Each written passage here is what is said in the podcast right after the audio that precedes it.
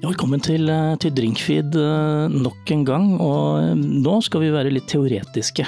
Vi skal snakke om noe som er veldig viktig, egentlig både på både vin og brennevin. I dag handler det om brennevin. Vi skal snakke om fat. Og med meg i studio så har jeg Martin Tønne Smith. Hei, hei. Velkommen, takk for at du kom. Hjertelig takk. Du er du har vært med lenge. Du har holdt på på alle sider og alle gjerder med, og drevet med alt mulig rart innenfor brennevinsfaget. Mm, ja, stemmer det. Jeg har jobba med brennevin først som bartender, fra sent 90-tall. Så har jeg drevet litt som brennevinskribent, før jeg begynte på importsiden i 2006, hvis jeg husker riktig. Og drev da med import i, fra 2006 til 2016.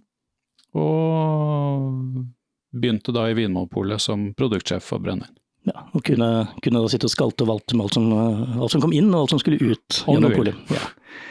Eh, og nå har, vi, nå har, vi, fått fanget deg eh, på en veldig, si, et godt tidspunkt, fordi nå skal ikke du være i Vinmonopolet mer, men du skal gå over til, eh, til en destillatør, faktisk. Stemmer. Så, så, det blir et litt nytt kapittel også, men det betyr at du faktisk har lov til å være med på denne podkasten. Det er veldig hyggelig. Ja, fordi Vinmonopolet er litt sånn sære på akkurat det. Greit. Fat Hvorfor er fat så viktig? Vi snakker om det i vin hele tiden, hvor mm. lenge har de vært på fat, bla, bla, bla. Og eh, brennevin er jo nesten, i hvert fall for de fleste brenneviner som vi, vi, liker å, som vi liker å sammenligne oss med, for å si det sånn, er helt avhengig av fat. Men, men mm. hvorfor det? Det er jo litt avhengig av hvor du har lyst til å begynne hen, egentlig. Men uh, man liker jo å snakke om disse tilfeldighetene at man plutselig på et eller annet tidspunkt tilfeldigvis skjønte at det skjedde noe med brennevinet mens det lå på fat. Og så var det så positivt at man fortsatte med det. Til å begynne med så brukte man jo fat først og fremst som en måte å transportere eh, brennevin på. Men det er jo veldig mye spennende som skjer under fatmodning, og eh, vi hadde jo hatt vi hadde vært ganske mye fattigere, tenker jeg, på sensorer, gode sensoriske opplevelser, hvis ikke det hadde blitt lagd så mye godt fatmodnet brennevin. Ja, altså Vi kunne vel uh, lett ha satt en strek over uh, både whiskyen og konjakken, armagnakken. Ja, jeg er jo en av de som syns uh, råspriten som legges på fatene også er veldig god. Ja, men du er et unikum. Okay, hva, hva, hadde, hva, hadde, skjedd med den norske akevitten og det eventyret ja, vi har sett de siste 20 årene på den? den, den det kunne vi bare glemt. Definitivt. Hva er, det, hva er det som gjør disse altså, Vi snakker om en haug med trepinner som er blitt bunta sammen uh, i en sirkel og gjort så tette som mulig, og så fyller man på med sprit. Hva, hva er det som gjør disse trepinnene og trestavene så, så magiske, da? Nei, det er jo i hvert fall tredelt. For det første så inneholder trestavene en del eh, forbindelser som eh, enten reagerer med brennevinet, eller tilføre brennevinet noe ønsket. Eh, I tillegg til at fatet i seg selv fungerer som en Altså, det, det, det skjer en, en, eh, oksidasjon mens det ligger på fat, og det er ofte ønskelig. Ja, fordi når vi snakker om vin, så vil vi ha minst mulig oksidasjon, mm. i hvert fall på lengden. Men, men, for brennevin så kan det faktisk tilføre noe. Altså det, det, ja. vil, det, vil, være med på utviklingen. Man trenger, man trenger um, Man trenger ofte å la brennevinet ligge en stund. Uh, for å oppleves, i mangel av et bedre ord, litt mer harmonisk, kanskje. Litt mer Altså hvor du har mange aromaer, mange smakskomponenter fra ulike kilder. Du har, du har noe som stammer fra råvaren, så er det noe som stammer fra fermentering, så er det noe som stammer fra destillasjonsprosess. Um, alt det skal samles i én opplevelse. Da er det veldig fint at det får litt liggetid for å liksom bare dempe seg, bli litt avrundet. Uh, og det skjer også hvis du legger noe på stål. Du kan, du kan, legge et destillat på et stålfat og la det ligge der i mange år, og det vil bli bedre i andre enden. Ehm, men det som da i tillegg er så fint med eikefat, er at ehm, man da får denne interaksjonen også. Det både er ekstrakt fra fatet, og at det skjer visse reaksjoner da, mellom fat og destillat. Hva er hovedkomponentene som blir tilført fra fatet til eh, La oss ta et råstoff som Du vil lage whisky, da. Hva, så heller du på råsprit på 72-74% Ja, den er som regel 63,5 når den legges på fat. Ok, så, mm. okay, så du, du den, har allerede vanna den ned, holdt ja. jeg på å si? Ja, okay. Den vannes litt ned, og, og, igjen da, allerede der så, man så, så, tar man en del valg. Noen produsenter de legger destillatet på fat på destillasjonsstyrke. Standarden i Skottland er uh, å redusere til 63,5. Uh, eh, og det er også noen som reduserer ned til fem, mellom 55 og 60 uh, fordi at de mener at hvis man da skal redusere med vann enda en gang før tapping, så er det bedre at den vanntilsetningen skjer så tidlig som mulig i produksjonsløpet. For, Vannet får liksom vært med inn i tønna? Ja. ja. Ok, så legger du dette stoffet, da, som er, eller væsken som er helt blank og mm. sterk og lukter jo brent sprit, rett og slett. Mm. Så hiver du den på det fatet. Hva, hva, er det det fatet gjør da? Hovedkomponentene, liksom, hva, hva, hva, er det det fatet dytter inn i varen? Ja, og da er det viktig å først ta for seg hvordan dette fatet ser ut på innsiden. For på innsiden her så er det ikke vanlig tre det er forkullet tre. Ja, for der kommer vi inn på roasting, ja. Ja, som er et sånn mystisk begrep. Det betyr bare at du setter fyr på tønna.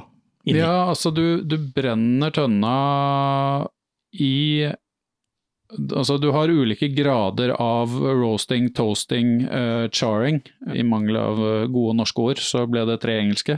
Men det var graden av uh, varmebehandling da, på innsiden, hvor jeg tenker at du får en altså Hvis du har en vanlig brenningsgrad på fatene, så, så har du da et lag med forkullet treverk. Eh, det eh, forkullede treverket, det eh, har én funksjon på brennevinet, som er at altså du, du, vil få en viss sånn Hva skal jeg si en, Altså du, du, åpner opp treverket da, for at um, f.eks. lignin og, og noen andre komponenter som etter hvert gir oss vanilje, altså opplevelse av vaniljearoma. At den, at den, gjøres tilgjengelig. Og så, og så, er det en interaksjon på den måten at uh, kullet tar til seg noen av disse f.eks. svovelforbindelsene da, i, i, destillatet. Så tønna, når, når den har blitt uh, roasta eller varmebehandlet, skal vi bruke mm. det, det, norske uttrykket der, også, så, vil, så vil den på en måte rense litt opp i, opp i Den har en viss rensende effekt, ja. Uh, og, så, og, så, vil jeg jo hevde at uh, hvis man tar Hvis man ser bort fra produkter som ligger veldig mange år på fat, så er jo ekstraktet fra fatene, i hvert fall de første åra, det mest interessante, tenker jeg. At du da du får ut uh, vanilin, du får ut en del aldehyder, en del aromatiske komponenter da, som, som enten reagerer med, med, alkoholen og fettsyrene i, i uh, destillatet, eller um, at det rett og slett er uttrekk som da tilfører et nytt komponent. For vi, Så langt så har vi snakket om du heller destillatet rett på la oss, la oss, si nye fat. Da. Ja. Men så kom et annet komponent inn, mm. og, og det er jo tilbake til whisky, til Skottland, hvor de da kjøper fat som har vært brukt tidligere, mm. til helt andre produkter. Sherry, portvin. Ja, og, og, og, grunnen til at det er viktig, er jo, og det var jo et fint spørsmål du stilte, fordi at det er jo en viss grad av tannin også i disse nye fatene. Eh, og det er det ikke alle som eh, ønsker. Nei, vi, tenker, vi, eh, tenker, jo liksom ikke at det skal være tanniner i, i whiskyen eller i akevitten vår. Det, det Nei, vil vi ikke egentlig. Samtidig kanskje. så er, kan tannin være et uh, viktig og fint strukturelement. Konjakkprodusenter jobber jo med tannin som, som et viktig strukturelement, eh, på den måten at de legger destillatene ofte først på nye fat, og så over på brukte fat etter hvert. Og da har du, en, eh, da har du et tanninkomponent som, som, tilfører en struktur, som hvis du da skal modne eh, veldig lenge, vil uh, på en måte være et av de bærende elementene da, etter 15-20-25-30 år. For du kan si at Tanninet blir som en slags sånn liten felles nevner som ligger og, uh, og holder kursen. Mm. Ja, på en måte. Og det er klart at det, det skjer veldig mye på et eikefat hvis det ligger der i mange år, og da, og da um, tenker jeg jo at nettopp dette at, at, du har nok struktur i det destillatet som ligger på disse fatene, det er kjempeviktig. I konjakk så, så, bruker de da tannin. Uh, I Skottland f.eks., eller andre whiskyproduserende steder, så, så, er ikke tannin så viktig, men de bruker da uh, som regel fat som, som, gir mindre til destillatet. Sånn at hele den prosessen har et litt annet forløp. Går litt saktere, kanskje. Riktig. Mm. Men tilbake til disse brukte fatene. da. Ja. Er det en myte, eller, eller har det noe for seg at f.eks. Uh, whisky, da, eller et produkt som har ligget på sherryfat, har et, får en annen karakter enn uh, produkter som har ligget på portvinsfat, eller madeirafat? Nei, det stemmer jo det. Og så vil jeg samtidig da si at det stemmer hovedsakelig for det som Altså første gangen man bruker fatet til noe annet enn portvin, sherry, madeira, Uh, og så kan du kanskje ane det uh, på annengangsbruk, det vi kaller for second fill. Men, uh, men first fill-fat, altså første gang det brukes til whiskymodning, da, da, vil du som regel få ganske tydelig påvirkning fra tidligere innhold i fatet, da, og ikke bare fatet. For eksempel, vi har en, en dobbel cask-whisky stående foran oss her. Mm. Vil den være markant annerledes det er kanskje litt dumt spørsmål, men vil den være markant annerledes enn om den bare hadde vært på en singelkask? Ja, altså først så kan man jo Altså den, den, en whisky kan være lagret på flere typer fat og allikevel være en singelkask. For at du kan, sant, du kan ha det først på ett fat, og så kan du stikke det om og tappe Riktig, det opp på et ja. nytt fat, og så kan det modne videre på det nye fatet, og så tappes på flaske derfra. Da vil det kalles en singelkask, hvis ikke det blandes med andre. Det har vært i samme tønna, men ja. uh, du... Men sånn kan, kan, det være gjennom flere. Men allikevel, det, du, det jeg regner med at uh, du vil fram til, er jo nettopp det at hvis du da, uh, som i det produktet, en double cask da har f.eks. modning på bourbonfat og sherryfat, så gir bourbonfat noe helt annet til destillatet enn sherryfatene. Og eh, tradisjonelt i Skottland så tenker man jo også litt at um, eh, bourbonfatene gir ikke så mye til, eh, til destillatet annet enn måte, vanilje og, eh, og litt sånn lagringspreg, men vi vil ha mer fra fatene, da legger vi det på sherryfat. Jeg er ikke enig i det resonnementet, men det er sånn veldig mange tenker, tror jeg da. Ja, Vi trenger ikke å gå inn på hvorfor du ikke er enig i det, mm. da blir det veldig kjemisk. Men uh, vi ser også trippelkask. Ja. Hvor mange kasker kan man, kan man egentlig eh, forsvare å ha på etiketten? Nei, da, du har jo produsenter som uh, snakker om kvadruppelkask også. Jeg tenker jo at det er ikke noe Det er ikke ett rett svar på det. Hvis du, hvis du er så bevisst på fatbruken din at hver eneste gang du stikker om eller tapper whiskyen fra et fat til et annet, øh, om hva som skal skje når du da legger det på en ny type fat, fire fat etter hverandre, så er jeg helt sikker på at det kan bli veldig bra. Det eh, du allikevel står i fare for å gjøre, er at altså alle de ulike komponentene kan fremstå litt diffuse. Ja, men Du kan slå, slå i hjel den ene med ja, den andre ja, hele tiden, og du ender opp, ender opp, med noe som er en, eh, en hybrid. Da, for ja, å bruke et blir litt sånn, at det blir litt diffust, og det syns jeg ofte er tilfellet med f.eks. double cask. Altså produkter som har double cask på etiketten det er Det vil jeg veldig gjerne smake før jeg kjøper. Fordi at min opplevelse med det er ikke nødvendigvis så positive. Nei, ok, mm. men det er verdt å ta med seg at uh, du ikke uten videre At det, det, er ikke uten videre et uh, stort kvalitetsstempel at det står dobbeltkast. Det er ikke nødvendigvis at det er uh, veien til evig lykke. Det er en markedsførings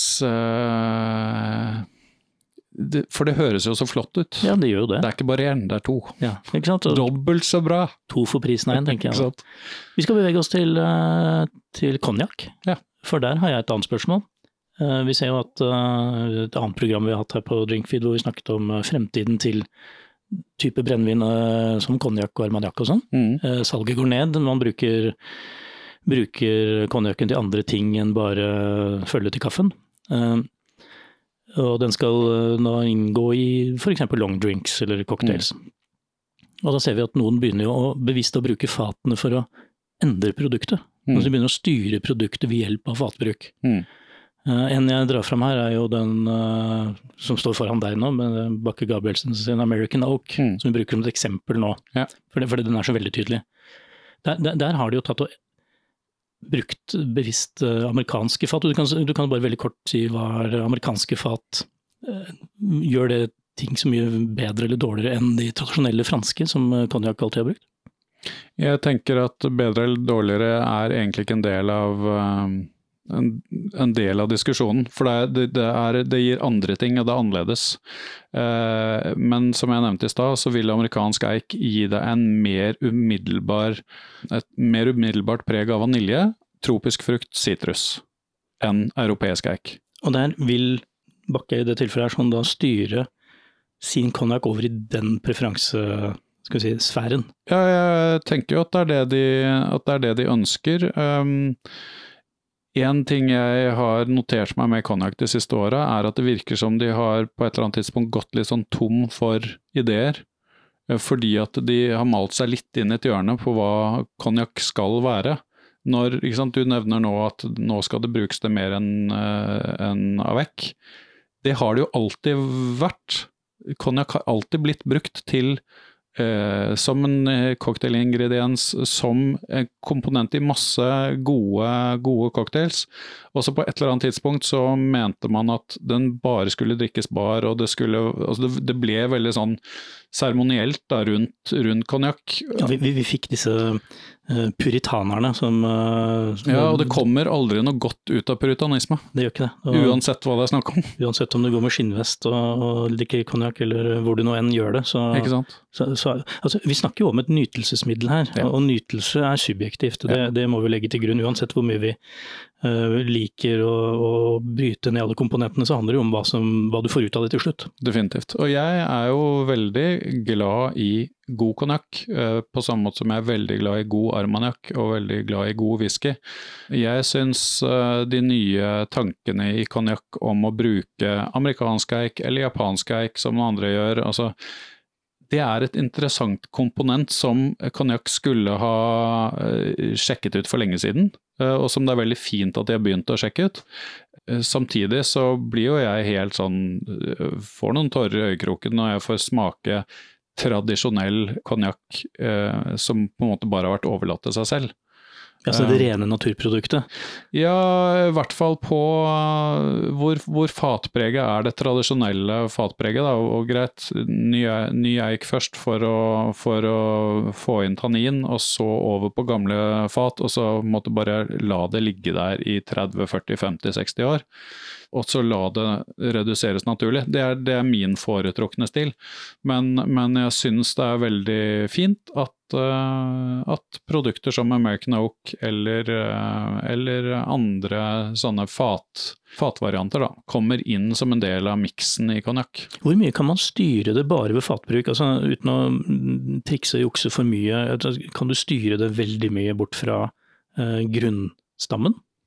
Ja, det tenker jeg at man kan, men hvor, hvorfor vil man det?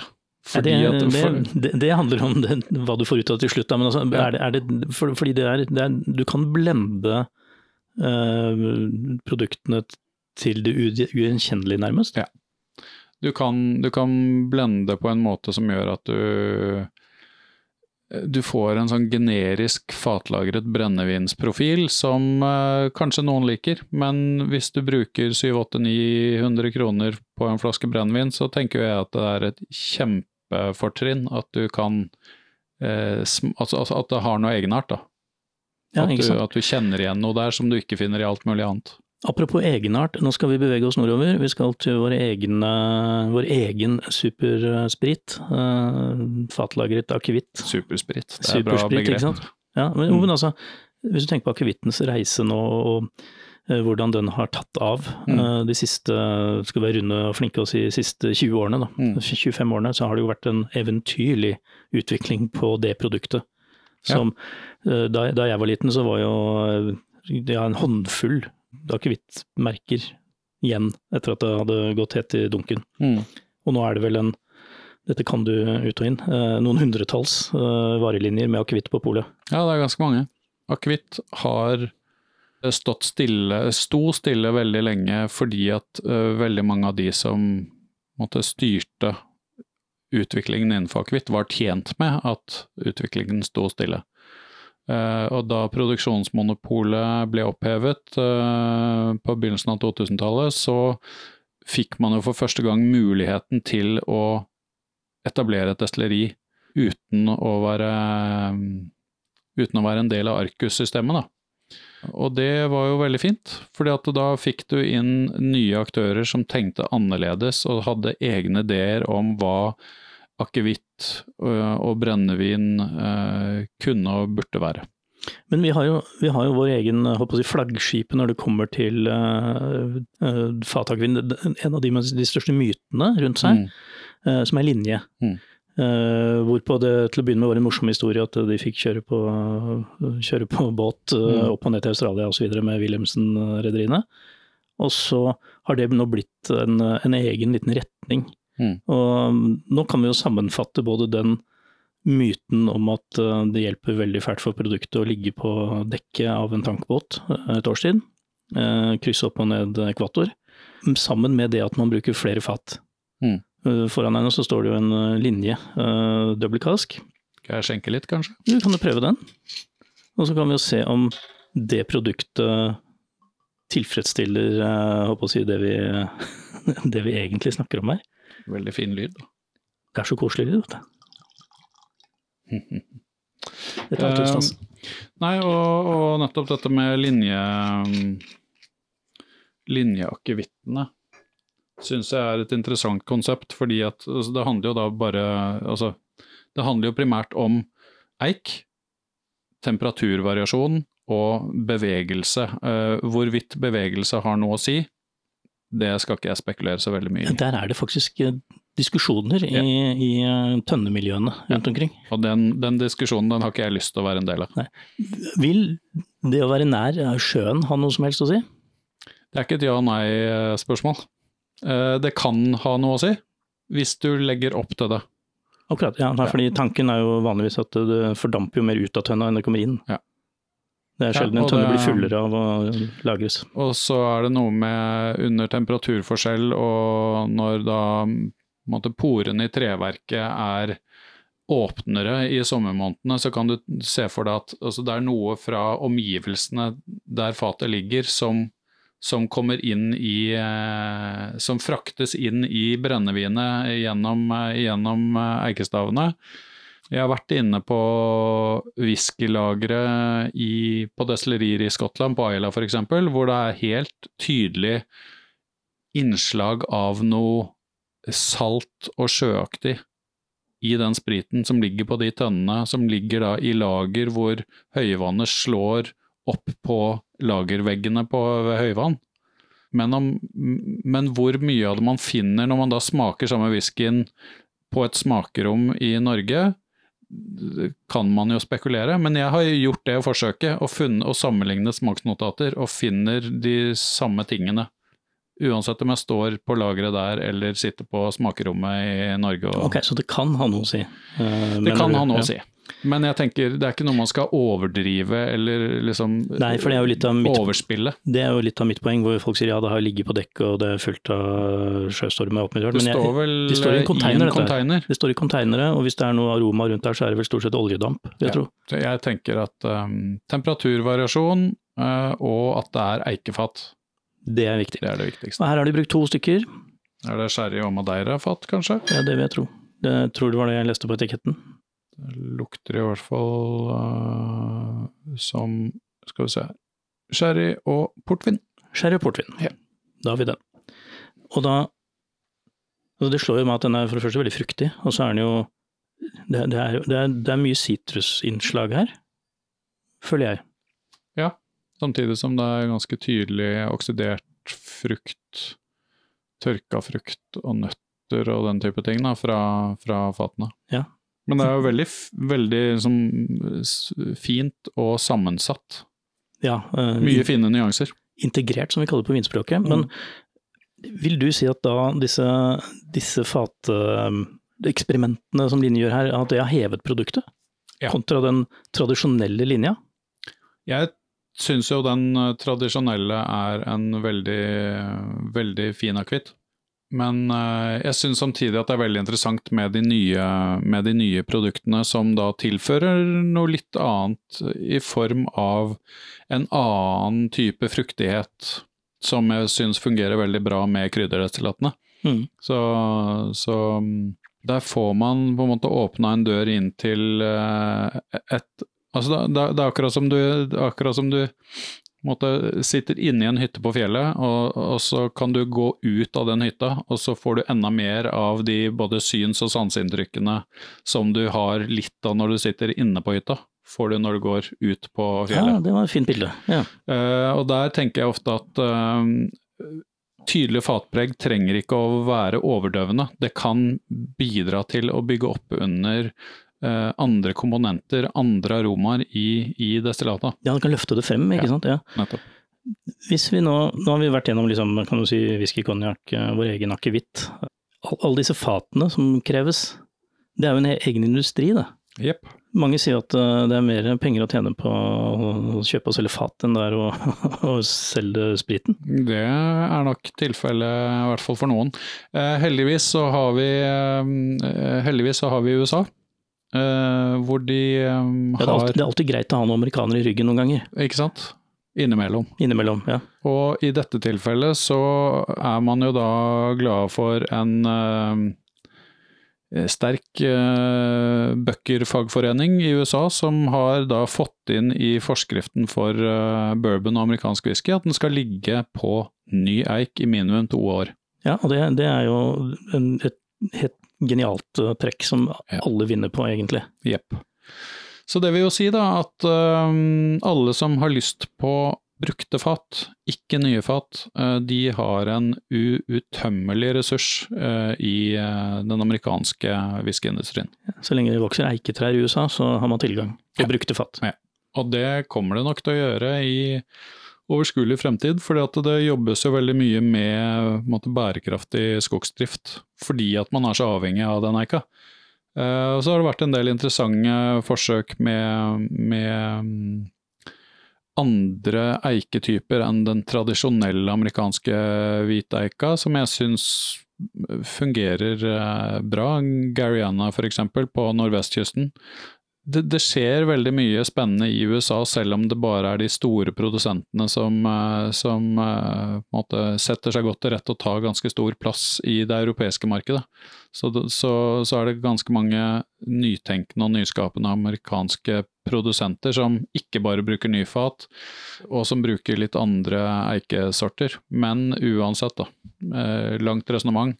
Utfallet for alle andre enn de amerikanske whiskyprodusentene er at de kan få masse god kvalitetseik eh, og kvalitetsfat til en overkommelig pris. Fordi at uh, fatene i uh, Spania f.eks., fra sherryhusene, som, som, var mye brukt før, de koster jo tigangeren det et bourbonfat koster. Ikke sant. Og det, det handler jo litt om, om, produksjonsmengder også. Ja, nettopp. Nå fikk jeg tegne et sånt fint bilde her forleden av hvordan denne handelen foregår. og det, det, det, er jo ikke så romantisk som at uh, man setter en haug med tønner i en pyramide oppå en, uh, en skute, og så tusler det over til Europa. De blir, de blir, plukket fra hverandre, alle tønnene, og så blir selve stavene uh, skipa i tette lag. Ja, som regel. Det er også noen som skiper det hele. Ja, og det kommer Det er jo denne historien fra Macallan-destilleriet, som da mm. konsekvent kjøper hele sherryfat fra Spania. Mm.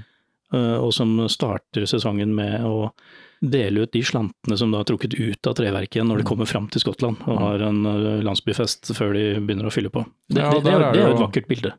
Det er et veldig vakkert bilde, og så er det selvfølgelig en, eh, en um, romantisk fortelling som har ganske sånn praktiske, pragmatiske uh, grunner. Uh, skal du frakte et helt sherryfat, så må det ha en væske i fatene for at fatene ikke skal bli dårlige uh, før de kommer fram. Så sprekker det, og i verste fall råtner jo på toppen. Ja, og, og, det er jo et problem med sherryfat at uh, du kan få et lite sånn eddikstikk i de. Uh, og det blir du ikke nødvendigvis kvitt. Ja, for de vil jo sitte inne i tønna, Nettopp. eller inne i treverket. Ja, og det går jo ganske langt inn i treverket også, potensielt. Sånn at man har da på en, eh, enten en billig sherry eller eh, en eller annen alkohol, som man fyller i disse fatene. Kanskje en 10-15-20 liter i et sånn 500 liters fat, eh, for at det skal holdes da fuktig underveis. Bourbonfat kan også fraktes hele, og jeg har til og med blitt fortalt i nyere tid at uh, det, det, det, er ikke nødvendig å ha noe særlig, altså ha noe særlig sånn transportsprit eller transportvæske i de, uh, så lenge de er pakka tett. Ah, ja, så det, de bare forsegler sin egen sprit? Nærmest. På en måte, ja. Det, det er litt det jeg har inntrykk av. Jeg må, jeg må, grave litt mer i det. Men uh, men uh, min nye arbeidsgiver ute på Feie, der, uh, der uh, får de bourbonfatene levert hele.